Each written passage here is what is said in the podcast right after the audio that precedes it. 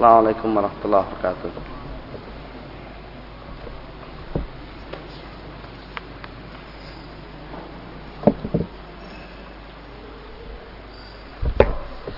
Bismillahirrahmanirrahim. Innal hamdalillah nahmaduhu wa nasta'inuhu wa nastaghfiruh wa na'udzu billahi min shururi anfusina wa sayyiati a'malina من يهده الله فلا مضل له ومن يضلل فلا هادي له. أشهد أن لا إله إلا الله وحده لا شريك له وأشهد أن محمدا عبده ورسوله. يا أيها الذين آمنوا اتقوا الله حق تقاته ولا تموتن إلا وأنتم مسلمون. Ba'd.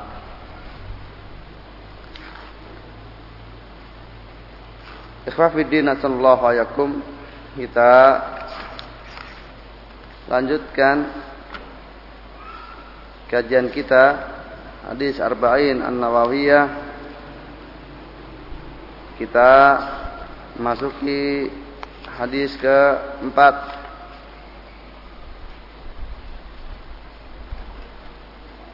An Abdullah ibn Mas'udin radhiyallahu qala Haddatsana Rasulullah sallallahu alaihi wasallam bahwa shadiqul masduq Dari Abdullah bin Mas'ud semoga Allah meridhoinya. Beliau berkata telah menceritakan kepada kami Rasulullah sallallahu alaihi wasallam dan dia adalah orang yang jujur lagi dibenarkan Inna ahadakum yujma'u khalquhu fi batni ummihi arba'ina yawman nutfatan. Sungguh seorang di antara kalian itu dikumpulkan penciptaannya dalam perut ibunya 40 hari dalam bentuk air mani. Sumayakunu alaqatan misla dzalik. Kemudian dalam bentuk segumpal darah demikian juga artinya 40 hari Summa yakunu mudghatan misla dzalik. Kemudian dalam bentuk segumpal daging demikian juga 40 hari. Summa yursalu ilaihi al-malak. Kemudian dikirim kepada janin tersebut yang sekarang sudah usia 120 hari seorang malaikat fayang fufi arruh kemudian malaikat meniupkan ke dalam janin tersebut ruh. Wa yu'maru bi arba'i kalimat. Demikian juga malaikat itu diperintah dengan membawa empat kalimat. Bikat bi rizqihi wa ajalihi wa amalihi wa saqiyun aw sa'idun. Empat kalimat empat ketetapan yang ditetapkan kepada janin tersebut yaitu untuk menetapkan satu rizkinya dua ajalnya, tiga amalnya, yang keempat nasibnya. Itu dia celaka atau bahagia. Fawallahi alladzi la ilaha illa ghairuh. Fawallahi alladzi la ilaha ghairuh. Demi Allah yang tidak ada sembahan yang benar selainnya, Inna ahadakum layak malu bi amali ahlil jannah. Sungguh ada di antara kalian dia betul-betul beramal dengan amalan ahli surga. Hatta makunu baina hatta ma yakunu bainahu wa bainaha illa dhira. Sehingga antara dirinya dengan surga tinggal satu hasta saja Fayasbiku alih alkitab namun sudah terdahulu padanya alkitab penulisan ketetapan bahwasanya dia termasuk penghuni neraka, dia termasuk yang celaka. Fayak malu bi amali ahli nar, maka kemudian dia beramal dengan amalan ahli neraka. Fayadkhula, fayadkhulwa, maka masuklah dia ke dalam neraka. Sebaliknya wa inna ahadakum la ya'malu bi amali ahli nar. Sungguh ada di antara kalian yang beramal dengan amalan ahli neraka. Hatta ma yakunu bainahu wa bainaha illa zira. sehingga antara dia dengan di dengan neraka tinggal satu hasta saja. Fayasbiqu al-kitab namun sudah terdahulu padanya Alkitab penulisan itu bahwasanya dia nasibnya bahagia dia termasuk sa'idun. Di sorga. Fayak malu bi amali ahli jannah. Maka dia pun pada akhir kehidupannya itu beramal dengan amalan ahli surga fayadkhuluha. Maka dia masuk dalam surga hadis riwayat Rawal Bukhari wa Muslim. Ikhwafidin asallallahu wa yakum ini termasuk hadis yang penting yang merupakan asal dalam masalah takdir yang semestinya menjadi perhatian bagi kita semuanya dan wajib kita imani apa yang terkandung di dalamnya. Ibnu Mas'ud radhiyallahu beliau menyebutkan di sini bahwa shadiqul masduq dan Rasulullah as-sadiq al-masduq. Beliau bawakan ini dulu karena yang mau diceritakan oleh Rasulullah sallallahu alaihi wasallam itu perkara yang kita itu tidaklah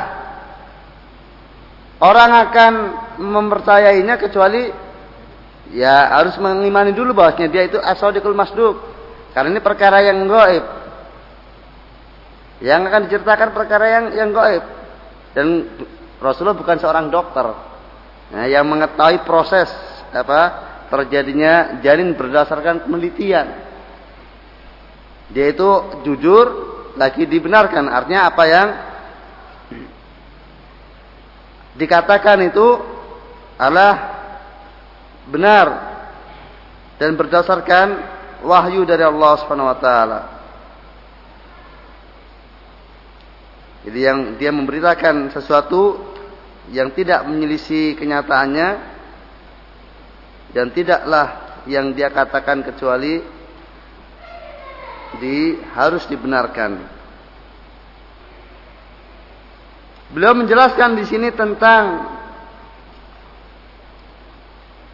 fase-fase yang dialami oleh janin. Begitu air mani masuk ke dalam rahim wanita, maka dia akan tetap berwujud manis selama 40 hari.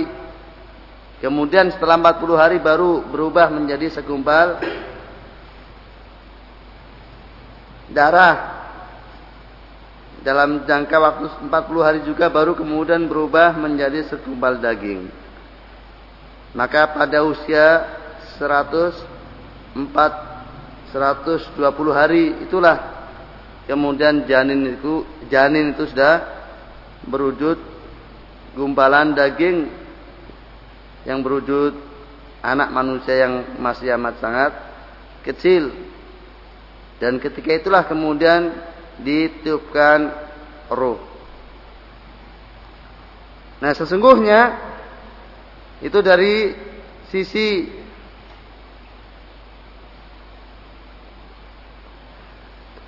fase yang dialami oleh janin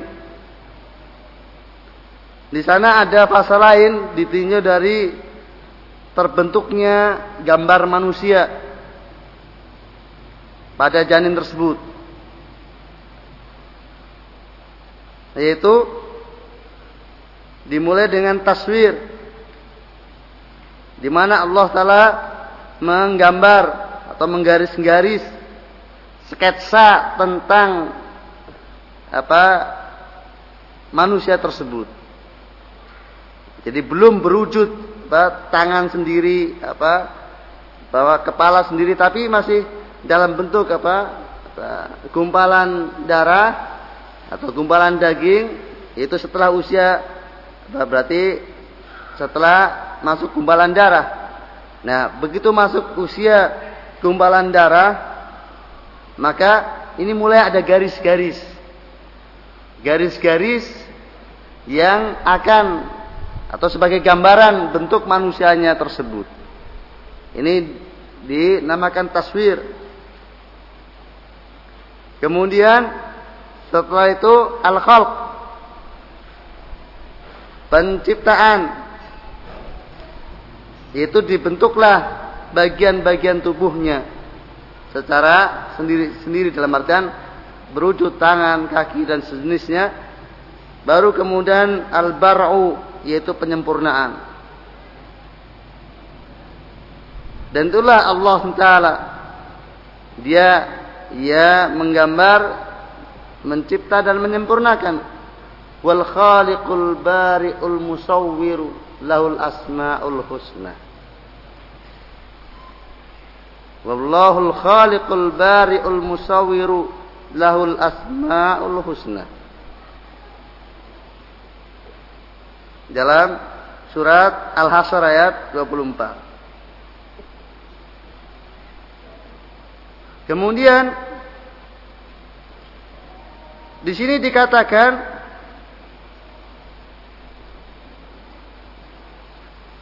setelah itu maka diutus malaikat.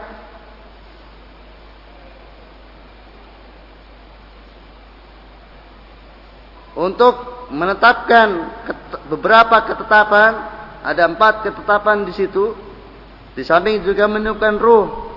Nah, peniupan roh ini, peniup, peniupan roh ini, ini bisa terjadi sebelum 120 hari, sebelum apa?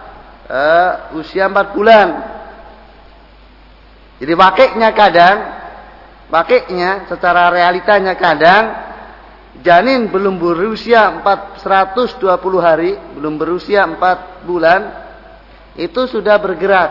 Yang menunjukkan sudah ada sudah ada ruhnya. Dan itu tidak diingkari. Karena di sini penyebutan payung payung fufi ar-ruh itu tidak secara otomatis menunjukkan bahwasanya apa urusannya harus demikian. Setelah 120 hari baru dititipkan ruh. Namun ini ditinjau dari kebagusan bahasa. Jadi cerita tentang proses manusia dari alaqah kemudian mudghah kemudian apa eh, dari nutfah kemudian alaqah kemudian mudghah air mani segumpal darah kemudian segumpal daging. Maka kalau kemudian diputus dengan apa diputus diselani dengan apa? Dengan peniupan ruh itu apa, kurang tepat.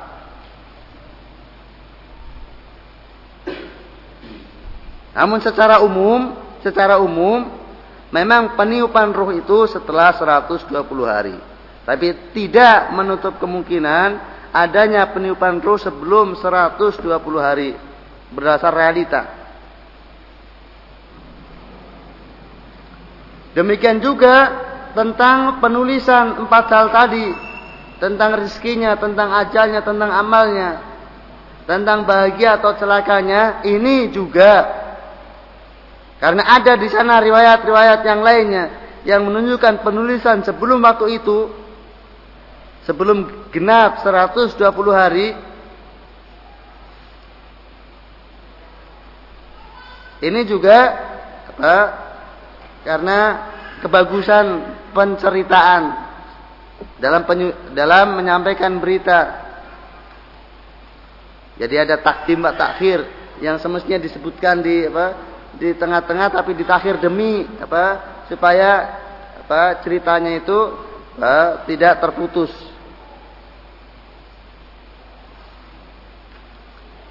Nah seperti ini dalam bahasa Arab memang apa, demikianlah apa, gaya bahasa Arab. Antum bisa lihat dalam surat As-Sajdah ayat 7 sampai 9.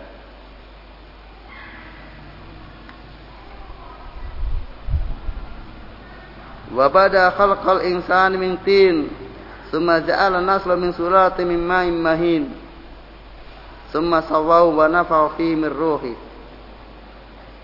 Allah memulai penciptaan manusia itu dari tanah kemudian keturunannya itu dari sulala dari air hina yang dari air yang hina. Kemudian disempurnakanlah dan ditutupkannya ruh padanya. Jelas, peniupan penyempurnaan dan peniupan ruh itu sebelum apa? Sebelum penciptaan keturunannya. Jadi penciptaan manusia ya awal waktunya dari tanah dan tentunya kemudian disempurnakan penciptaannya dan tiupkan padanya ruh. Namun untuk apa? Men, membaguskan penceritaan maka ditunda untuk summa sawahu wa nafafi min ruhi. Demi apa? Supaya pas sesuai setelah menyebutkan manusia pertama tercipta dari tanah, kemudian manusia yang berikutnya tercipta dari apa? air mani. Dan memang demikianlah sebagaimana sudah saya sampaikan dalam apa pelajaran lematul i'tiqad bahwa pemahaman dinul Islam ini ya terkait erat tidak bisa dipisahkan dengan uh, pemahaman terhadap bahasa Arab.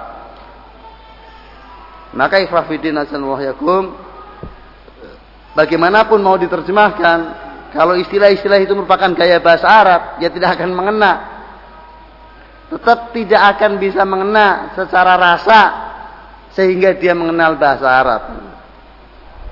Mau menerjemahkan mutlak dan mukoyat, mau diterjemahkan bagaimanapun juga mungkin dia tetap nggak nggak enak didengar sehingga kemudian dia mengetahui bahasa Arab tentang istilah mutlak dan mukoyat. Sangat beda sekali dirasakan orang yang mengetahui dia apa dalam tata bahasa Arab ini mutlak, ini muqayyad atau ini am, ini khos dengan dia dijelaskan tentang itu berdasarkan terjemahan. Kemudian penting juga disampaikan di sini tentang hubungan roh dengan jasad. Jadi untuk diketahui bahwasanya roh dengan jasad ada empat keadaan dan waktu di antara di mana keduanya berkaitan berhubungan tatkala di rahim ini hubungan keduanya sangat lemah. Hubungan ruh dengan jasad sangat lemah. Jadi kehidupan ketika itu lebih domi, didominasi oleh jasad dibandingkan oleh ruhnya kemudian tatkala di alam dunia ini kehidupan jasad jauh lebih kuat dibandingkan tatkala di rahim. Dan hubungan antara jasad dengan ruh juga lebih kuat dibandingkan tatkala masih di rahim.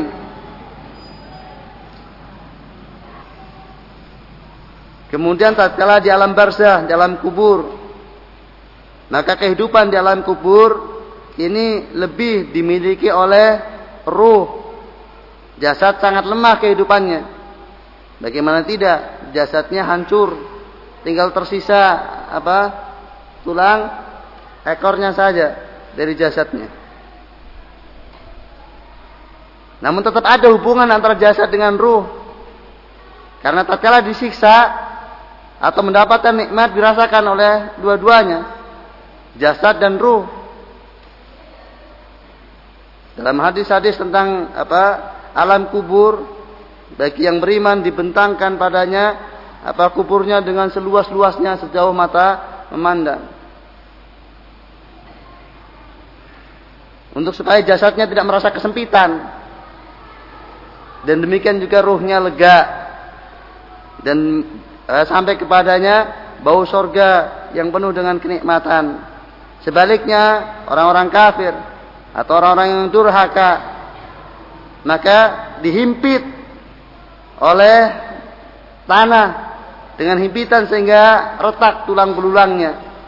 Kesakitan, jasadnya merasakan kesakitan dan ruhnya juga merasa sempit. Kemudian merasakan bau busuk yang sangat luar biasa dan panas karena dibukakan pintu neraka dan panasnya sampai kepada dirasakan oleh jasadnya dalam kubur. Jadi tetap hubungan antar ruh dengan jasad berjalan juga di kubur walaupun bagi kehidupan ruh lebih dominan dibandingkan jasad. Kemudian yang terakhir tatkala di alam akhirat yaitu kebangkitan dari kubur. Maka di sinilah hubungan antara keduanya betul-betul sempurna. Jasadnya betul-betul kuat dan hidup dengan sempurna. Demikian juga ruhnya. Maka bisa dibayangkan terik matahari yang didekatkan hanya jarak 2 mil saja mampu jasad untuk bertahan. Padahal posisi sekarang, posisi sekarang seandainya didekatkan menurut ilmu orang yang tahu itu didekatkan dari jarak yang sekarang semestinya itu sudah binasa apa bumi ini kepanasan hancur tapi ketika itu matahari didekatkan hanya beberapa mil saja namun kuat demikian juga tatkala orang dimasukkan ke dalam neraka. Jasadnya demikian kuatnya, abadi dan tidak tidak hilang sama sekali. Dirasakan kesakitannya oleh jasad dan ruhnya, namun tidak hancur dan tidak binasa. Sebaliknya yang di sorga eh, nikmat abadi tidak pernah kesakitan, tidak pernah letih dan lemah, penuh dengan kenikmatan, dan demikianlah hubungan antara jasad dan ruh. Di sorga ruhnya juga luar biasa mendapatkan nikmatan. Demikian juga jasad, jasadnya. Makan dan minum dengan penuh lezatnya. Dan tanpa ada pernah sakit dan lelah. Maka ikhwahbidin asarullah wa yakum. Carilah di dunia ini untuk jasad dan roh kita jasad sekadar yang dibutuhkan oleh jasad kita demi kehidupan ruh yang abadi di akhirat kelak dalam keadaan senikmat-nikmatnya.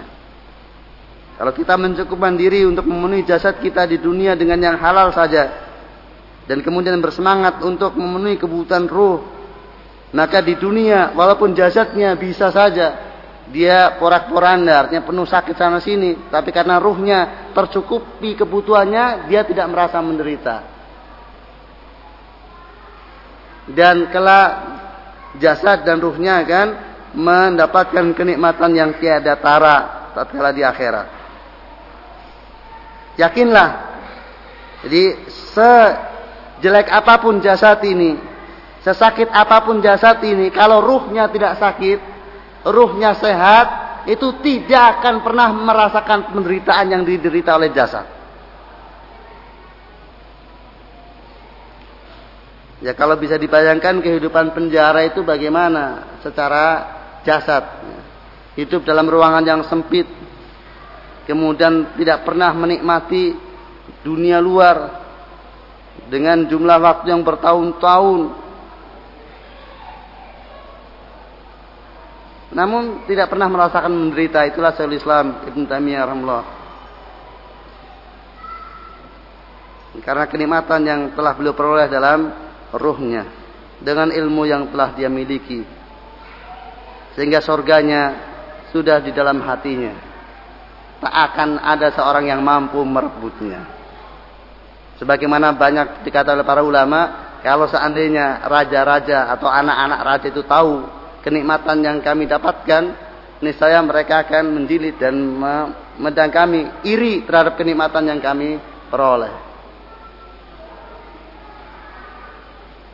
Itu akan mungkin sedu, kenikmatan dunia apa pun yang didapatkan tidak akan pernah menyaingi kenikmatan yang diperoleh ahlul ilmi dari ilmu yang didapatkannya. Demi hidupnya ruh tersebut dan kenikmatan ruh yang ada di dalam dirinya. Walaupun secara tampilan dohirnya dia adalah orang yang paling menderita hidupnya. Namun salah pandang kalau orang melihat apa alul ilmu kemudian dia hidup dengan kondisi yang menderita dia menderita salah pandang. Tanyakan kepadanya. Tanyakan kepada mereka-mereka yang dia betul-betul memahami ilmu syar'i dan mengamalkan ilmu syar'i tersebut, maka tidak akan pernah menderita dalam hidupnya. Walaupun tampilannya orang yang menderita. Namun tidak hatinya.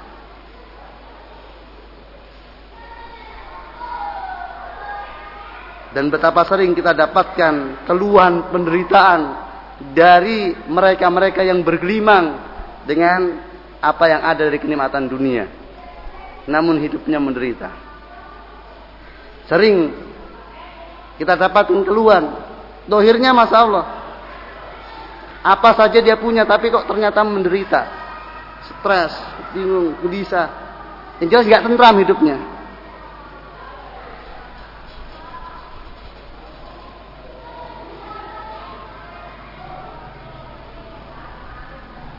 Pernah seorang teman datang bercerita dia merindukan dengan eh, kehidupan dulu. Tatkala dia belajar mensorok ada apa faala faala faalu. Sekarang dia lagi sibuk apa mengambil spesialis. Dia kedokteran mengambil spesialis. Dia gimana ya setelah saya ingin sekali saya bingung kondisinya. Artinya dia saya gimana saya ini? Mau lepas kayaknya. Gimana saya? Tapi tidak gimana? Bingung, hidupnya bingung. Dia ingat masa eh, belasan tahun yang lalu. Tatkala ya, masih mahasiswa kemudian nyorok sana nyorok sini. Ya.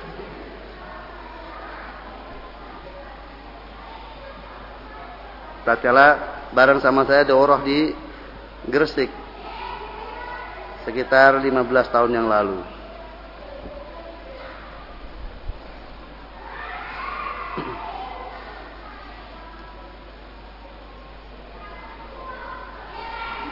Jadi titel calon dokter spesialis itu nah, ternyata tidak membuat dia bahagia. Bahkan menderita itu yang dia rasakan. Kemudian Ikhwafidin Allah wa iyyakum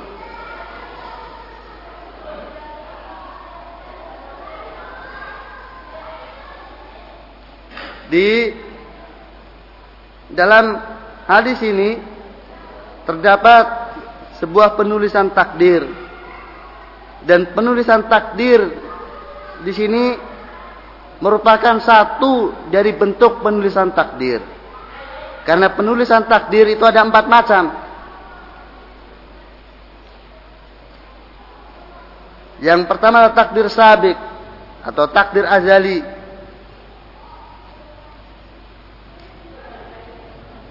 Takdir yang awal yaitu penulisan takdir bagi seluruh makhluk di lauh mahfud 50 ribu tahun sebelum penciptaan bumi dan langit. Dalam hadis Muslim Rasulullah bersabda, "Inna Allah kataba maqadiral khalaiq qabla ayakhluqa samawati wal ard bi khamsina alfasana." Sungguh Allah telah menulis ketetapan makhluk ini sebelum menciptakan bumi dan langit 50 ribu tahun. Itulah penulisan takdir yang ada di Lauh Mahfud. Dalam hadis yang lainnya yang sahih, Rasul bersabda, "Inna awalu ma khalaqallahu al-qalam, faqala uktub." Faqala, "Mada aktub?" Qala uktub kula kainin, kula kain ila yaumil qiyamah. Pertama kali Allah menciptakan pena, Allah berfirman kepadanya, "Tulis." Pena pun bertanya, "Apa yang aku tulis?" Maka Allah menjawab, "Tulis semua yang akan terjadi sampai hari kiamat." Dan itu perintah Allah kepada pena tersebut terjadi 50 ribu tahun sebelum penciptaan langit dan bumi. Dan takdir yang tertulis di lauh mahfud ini tidaklah akan berubah untuk selamanya. Tidak mengalami perubahan. Rufiatil aklam wa jafatis suhuf kata Rasulullah. Pena telah diangkat dan lembaran-lembaran telah kering. Kemudian penulisan takdir yang kedua yaitu takdir omri. yaitu penulisan takdir bagi janin ketika berusia 4 bulan yaitu dalam hadis ini. Ini disilahkan oleh para ulama dengan takdir umri karena terkait dengan umur manusia ditentukan di situ.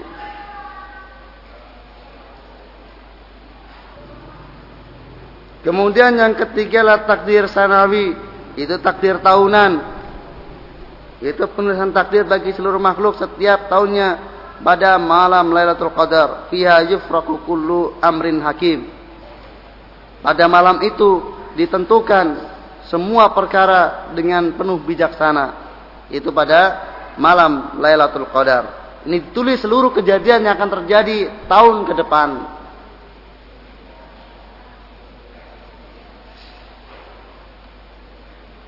kemudian yang keempat adalah takdir yaumi. Yaitu penulisan takdir terhadap penulisan. Yaitu penulisan terhadap setiap kejadian setiap harinya. Ma yalfidu min qaulin illa ladaihi raqibun atid. Tidak ada satu perkataan pun kecuali ditulis oleh raqibun atid semuanya tertulis. Termasuk rengekan. Termasuk rintihan seseorang tatkala sakit. Maka para salaf sangat berhati-hati tatkala berbicara. Bahkan sekedar merintih pun karena itu akan membuat apa catatan hitam pada bukunya buku hariannya nah ifafidin yakum ada sikap yang lahir dari berita tentang penulisan ini.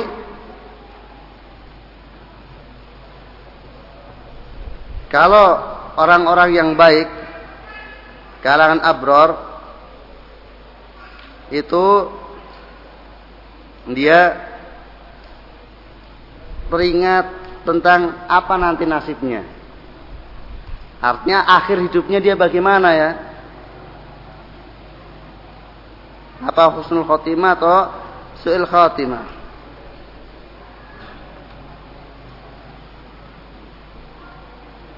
Tetapi berbeda dengan bagi sahabitin dia lebih teringat tentang apa yang sudah ditakdirkan kepada saya. Sa'idun atau sakiyun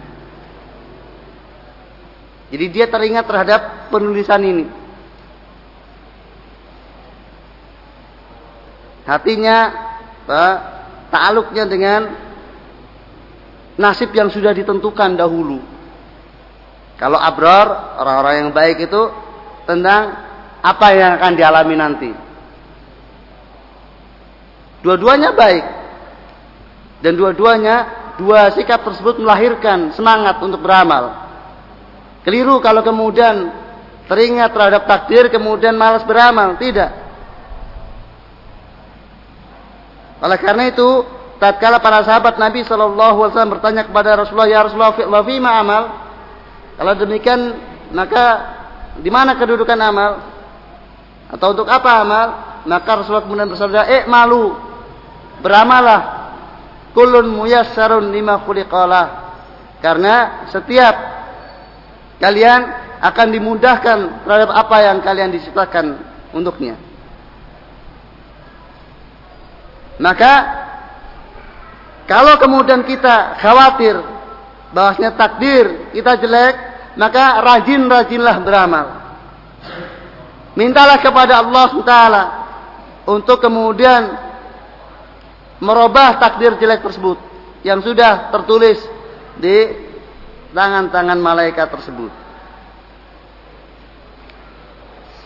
Dan penulisan takdir yang di non loh mahfud itu mengalami bisa berubah.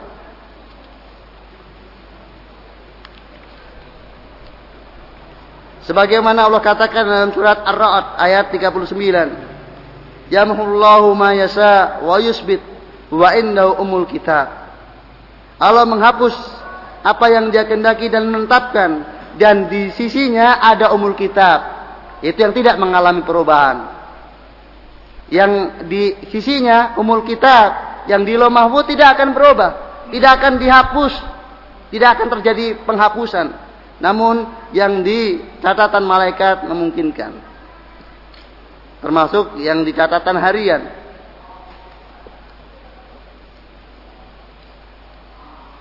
maka kalau amalan dosa kemudian apa bertobat dihapus sehingga tidak ada dosanya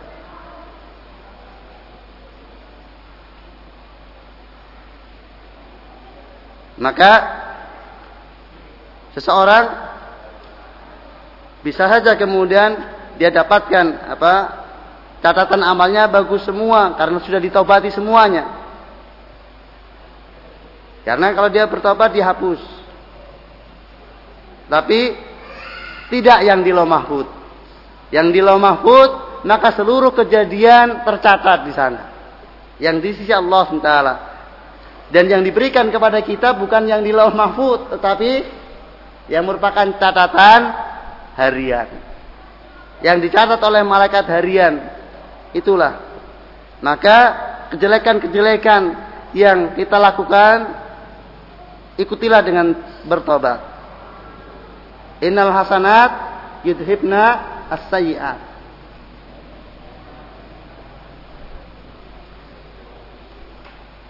Dan ada di sebagian hambanya, ada pada sebagian hambanya yang catatan jeleknya masih.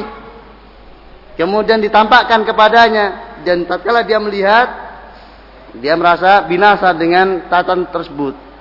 Namun cuma diperlihatkan antara dia dengan Allah saja dan tidak diperlihatkan di hadapan umum. Kemudian setelah itu Allah menyatakan memaafkannya. Nah, ini lain lagi. Ini dimaafkannya nanti di akhirat.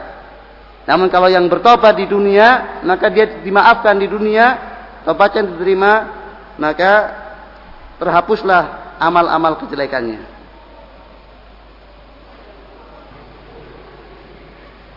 Oleh karena itu, Umar bin Khattab pernah berdoa, Allahumma in kunta katabtani saqiyan faktubni sa'idan.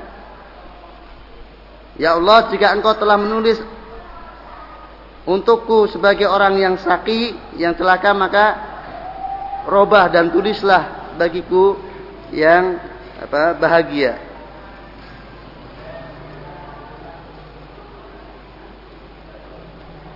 Dan demikianlah la yarudul qadar illa doa. Tidak ada yang tidak ada yang lebih mujarab di dalam merubah takdir melebihi mujarabnya doa. Maka banyak-banyaklah berdoa kepada Allah Taala. Karena doa bisa merubah takdir. Berdasar sabda Nabi Shallallahu Alaihi Wasallam. Namun semua yang sudah ditetapkan di Lauh Mahfud itu akan terjadi sebagaimana ditetapkan.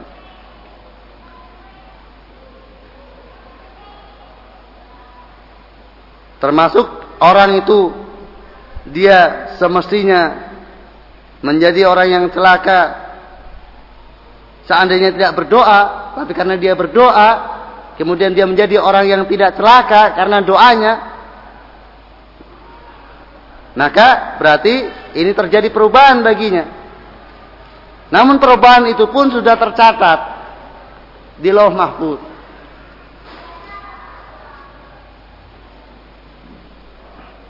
Ikhlas fidin asalullah wa yakum dan jangan sekali-kali kita memahami bahwasanya takdir Allah Taala adalah merupakan pemaksaan. Allah menakdirkan berdasarkan ilmunya. Allah menakdirkan berdasarkan ilmu.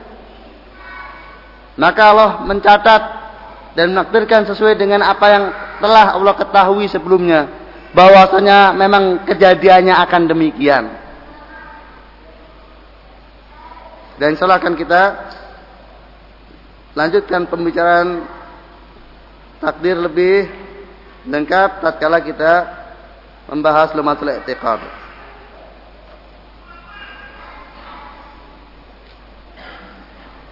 Maka keimanan yang kepada takdir yang benar itu akan membuahkan hasil yang baik pula, yaitu rasa takut yang mendalam akan nasib akhir hidupnya dan menumbuhkan semangat yang tinggi untuk beramal dan istiqamah dalam ketaatan demi mengharap husnul khatimah. Dia khawatir kalau kemudian hus apa su'il khatimah maka terus menerus dan kalau kemudian dia berdosa maka betapa takutnya akan akibat dosa tersebut. Ikhwafidin hasanallahu wa. Hendaklah masing-masing kita menyadari bahwasanya dosa kita betul-betul dosa. Artinya kemaksiatan yang kita lakukan tentunya bukanlah amal soleh. Bil ittifaq. Jadi yang namanya dosa ya mesti dosa. Bukan amal soleh. Sementara amal soleh, amal kebajikan dari tobat, sholat dan lain sebagainya, tak ada seorang pun di antara kita yang mengetahuinya bahwasanya itu tercatat sebagai amal soleh. Maka semestinya tidaklah tampak pada seseorang terhadap dirinya kecuali kejelekan. Karena dia tidak tahu. Kalau kejelekan jelas dia tahu. Tapi kalau kebaikan dia tidak tahu apakah dicatat sebagai amal kebaikan. Karena syarat diterimanya amal tidak mudah. Khususnya ikhlas. Dan kita tidak mengetahui apakah kita ikhlas atau tidak secara meyakinkan. Oleh karena itu ada seorang salaf yang mengatakan Law alim tu anna Allah taqabbala minni sajdatan wahidatan la tamaitu al maut al an atau kama qala seandainya aku mengetahui bahwasanya Allah menerima dariku amal soleh satu sujud saja ini saya aku berangan-angan mati sekarang juga. Karena penerimaan amal soleh diterima itu menunjukkan ketakwaan. Wa ma taqabbalallahu wa ma yataqabbalu illa minal muttaqin. Jadi Allah tidak menerima kecuali dari orang yang bertakwa. Tapi seorang pun di antara kita tidak yang, tidak yang mengetahui. Oleh karena itu wajar kalau kemudian Umar bin Khattab, Abu Bakar Siddiq, Utsman bin Affan, Ali bin Abi Thalib yang teriwayatkan dari mereka prinsip hidupnya boleh dikatakan sama, persis. Di mana kalau kemudian diberikan pilihan di akhirat kelak kepada mereka, apakah milih dihisap, dihitung amalnya, nanti kalau ternyata baiknya lebih banyak, maka masuk surga. Tapi kalau ternyata baik jeleknya lebih banyak masuk neraka. Atau milih tidak dihisap, tapi ya tidak masuk surga, tidak masuk neraka, kembali jadi tanah. Milih mana? Mereka sepakat untuk milih tidak dihisap.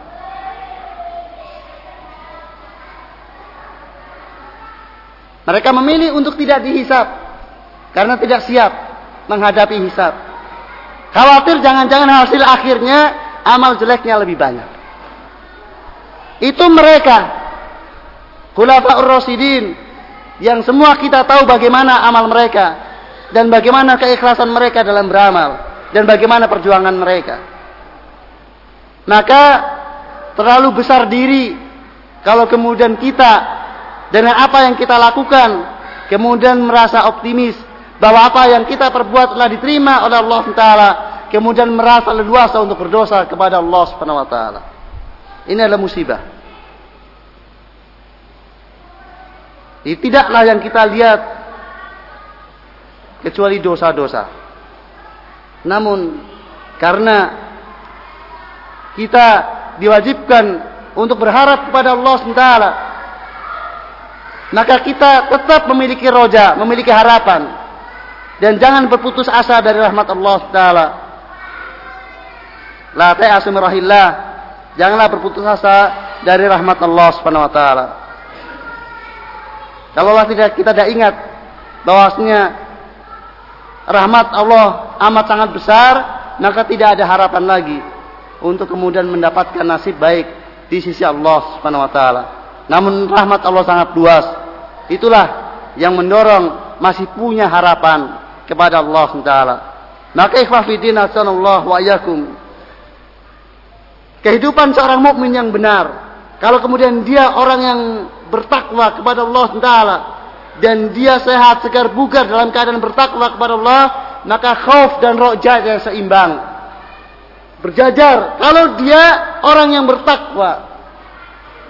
Karena Allah ceritakan tentang ahli takwa, innahum kanu yusari'una fil khairat wajad'unana raghaba wa rahaba.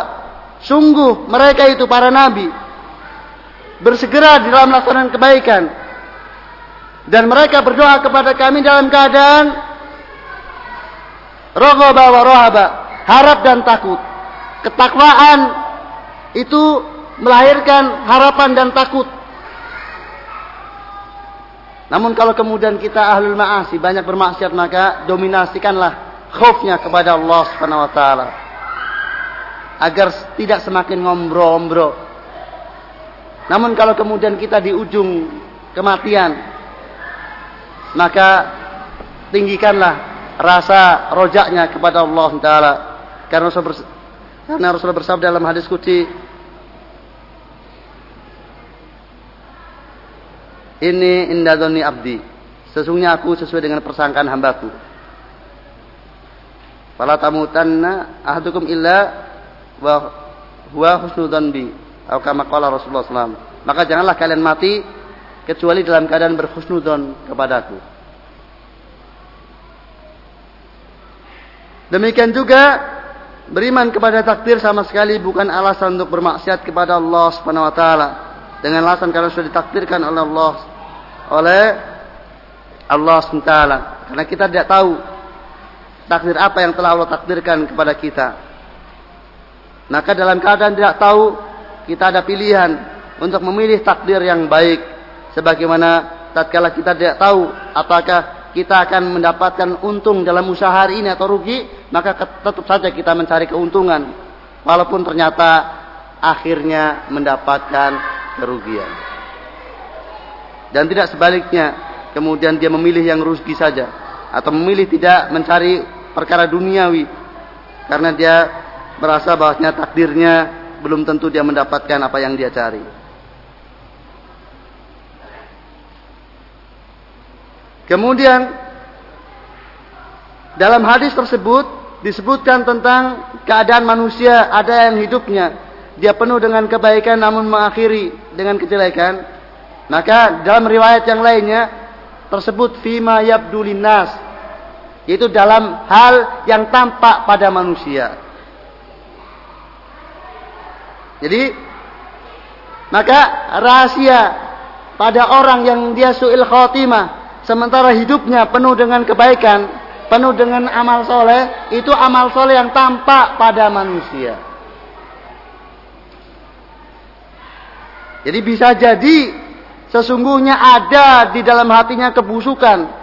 Yang kebusukan tersebut mencuat secara menonjol di akhir hidupnya.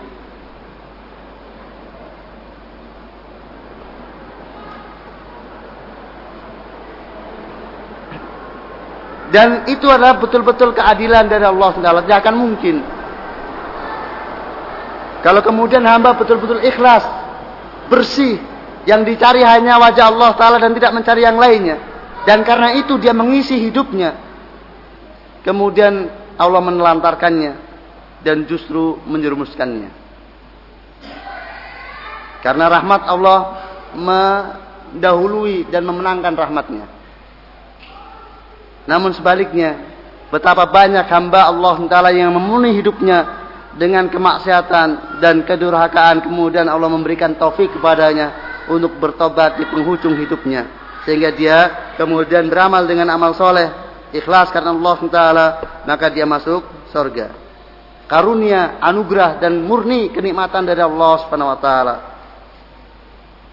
Dalika fadlullah yu'tihi ma. Dan demikianlah karunia Allah yang dia berikan kepada siapa yang dia kehendaki.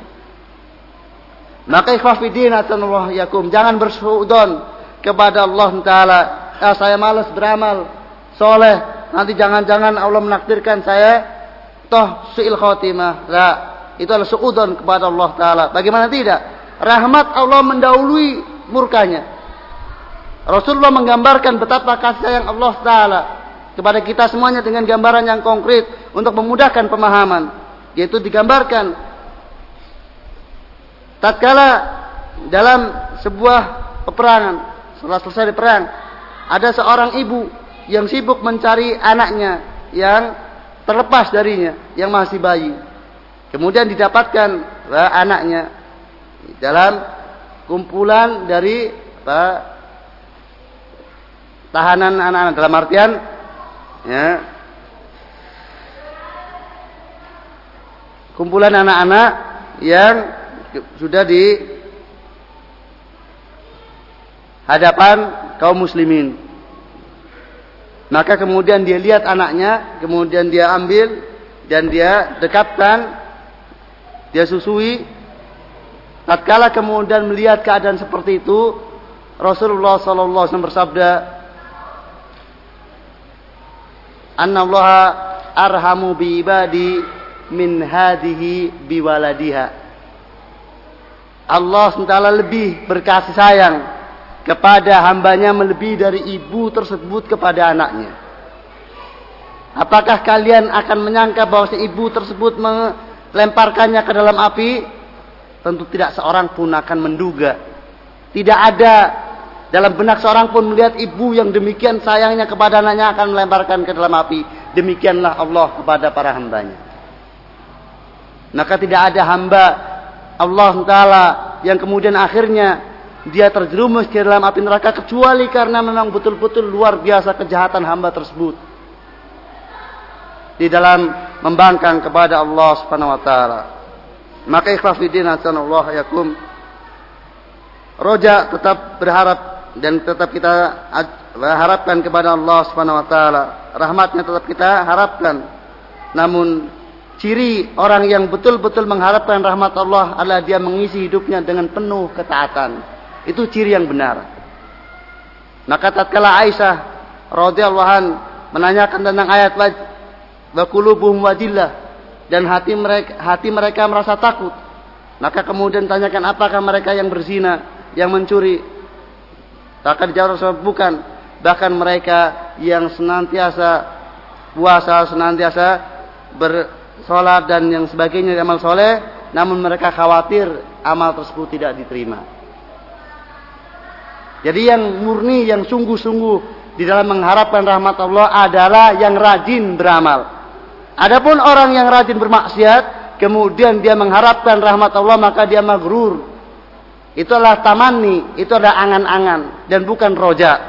Roja yang benar, harapan yang benar adalah mengharap rahmat Allah dengan cara rajin beramal. Apakah wajar kalau kemudian seorang pegawai dia mengharapkan bonus dari majikannya dengan cara dia banyak melanggar kemudian dia mengharapkan bonus tentunya mengharapkan baik perlakuan dari majikan tatkala dia banyak melakukan kedisiplinan ketaatan teratur dan lain sebagainya maka itulah yang punya harapan yang benar. Adapun yang jahat kemudian dia berharap maka itu bukan harapan itu tamanni itu angan-angan